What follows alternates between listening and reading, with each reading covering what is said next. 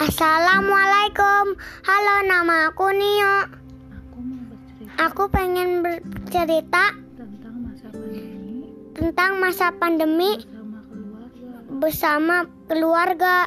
Awalnya aku senang Awalnya aku senang karena aku bisa sering nonton TV karena aku bisa sering nonton TV dan sering bersama keluarga dan sering bersama keluarga di rumah. di rumah.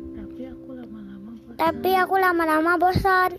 tidak bisa main di luar rumah Tidak bisa main di luar rumah bersama teman bersama teman dan jalan-jalan melihat pemandangan yang indah. melihat pemandangan yang indah.